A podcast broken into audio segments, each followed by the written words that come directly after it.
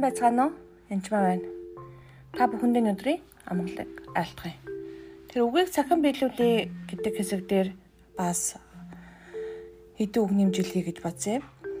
Тэгэхээр энийг хийхдээ та нар юу анхаарах ёстой вэ гэхээр тэгэхээр нэгдүгээрт нь за хоол хийж сурж байгаа гэж бодъё.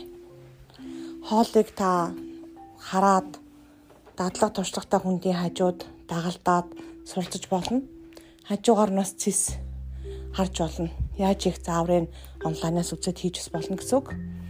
Тэгээ бас ямар ямар орцтой орох вэ гэдгийг харна гэсэн үг. Тэгээ ичнээ орц харсан харсан ч гэсэн Библийг уншсан ч гэсэн ойлгоод хийхин тулд хажууд нь ингэж хийдэг ингэж жишээл бууз хийж удаа л доо. Эсвэл хуушурч юм уу. Хийхин тулд гурлаа хилдэхтэй гурлынхаа дунд юм бөнгөтэй хэлдүүлээд жигнүүдээр наалдадгүй юм гэдэг юм уу. Жигнүүдээр тост турах хэвээр эсвэл янз бүрийн хуудас тавих хэрэгтэй ч гэх юм уу. Тэгээ цаа хөлдөө буузвал тэдэн үжиг нь ингүүл тэгх ёстой. Маха татсан юм уу татсан махар үлэл ингээрээ ингэж амталж болно. Чимхтэй ингэж чанга чимхэхгүй бол хууш урчин одоо ядгийн хагарчдгийг шүү гэх юм уу. Гих мэтлэн заавруудыг өгч болно гэсэн. Тэг хичнээн сайн заавартай байсан ч гэсэн анх ихэд амархан болтгоо.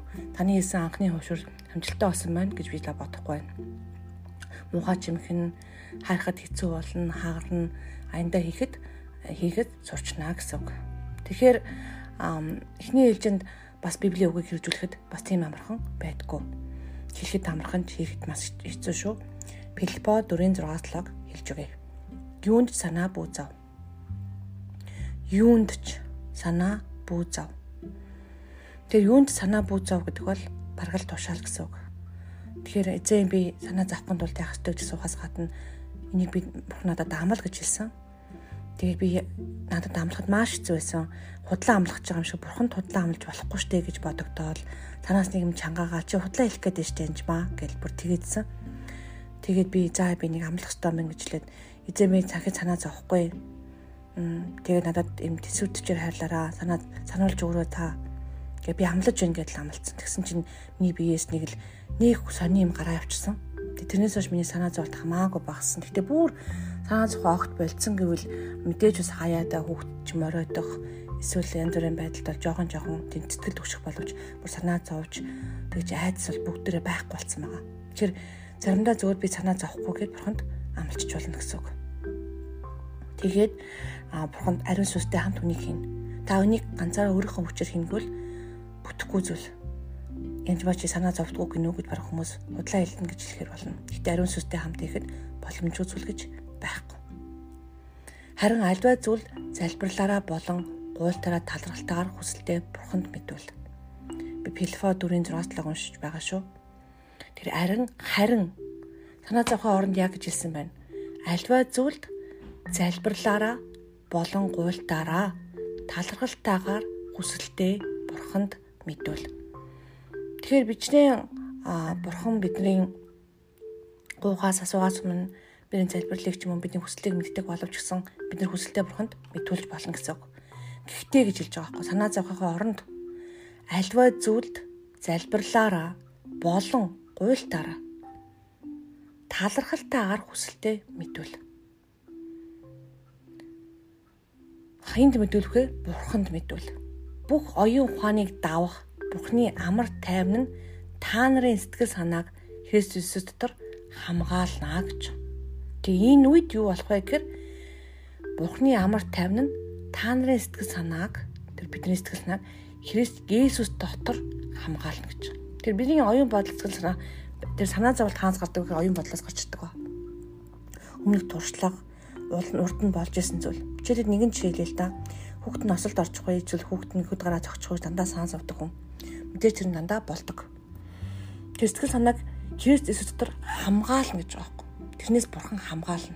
Ямар үед вэхээр санаа зовхгүй харин залбирлаараа болон гуйлтаараа талархалтайгаар хүсдэг бурханд мэдүүлэх үед. Тэгэхээр Библийн ишлэгийг уншихдаа та яг рецепийн ном буюу за эхлээд гурлаа илдээд маха татаад амтлаа тэгээд маха дотор нэгэд гурлаа чимхэн гэдгийг эхлээд чимхэд гурлаа хийх гэж оролдвол болохгүйтэй адилхан. Яг тэрнтэй адилхан яг заавар нь дистраал нь дараалан дагуу байдаг байна. Тэр Библийн намайг уншихдаа яг л тэр ми хоолны зааврын ном шиг хэрэглэнэ гэсэн. А тэгээд хийхэд яг үлээ анхандаа болохгүй байж болно. Тэрэндээ өөрийгөө юу шалгаж болохгүй. За ариун сүнс надад туслаараа гэд хий.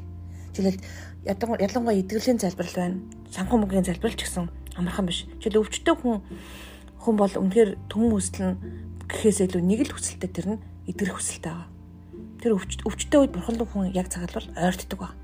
Гэл санхүү мөнгөнд сайжрахад хүн бурхнаас бараг холддог байна. Тийм учраас санхүүгийн залбирч гисэн хэцүү байдаг.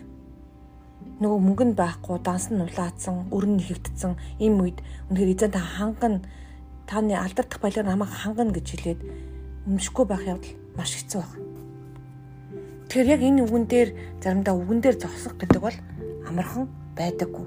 Тийм учраас та яг анхны хуушурчин амжилттай болохгүй байсан ч гэсэн дахин дахин хийдэг үстэй. Тэрнтэй адилхан яг библийг уншаа уншаад тэг өөрийнхөө чадах энгийн зүйлээс эхлэх ёстой. Жишээлбэл би оо гуйшсэн.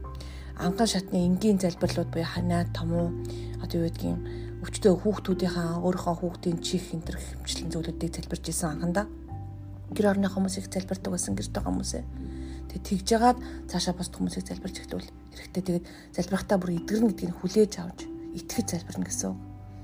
Аа дээрэс нь бас тэр гуйсан зүйл нь авагдсан гэдэгт итгэж залбирна гэсэн үг. Тэгээд санаа зовхгүй татралтайгаар хүсэлтэд бурханд мэдүүлнэ гэсэн үг. Тэгээд дадлага туршлах хэрэгтэй тий. Тэгээд тэр бас өөрийгөө бити голороо Аа тэгээд бас мэддэг нэг нь бусдаа бас заагаараа баярлаа.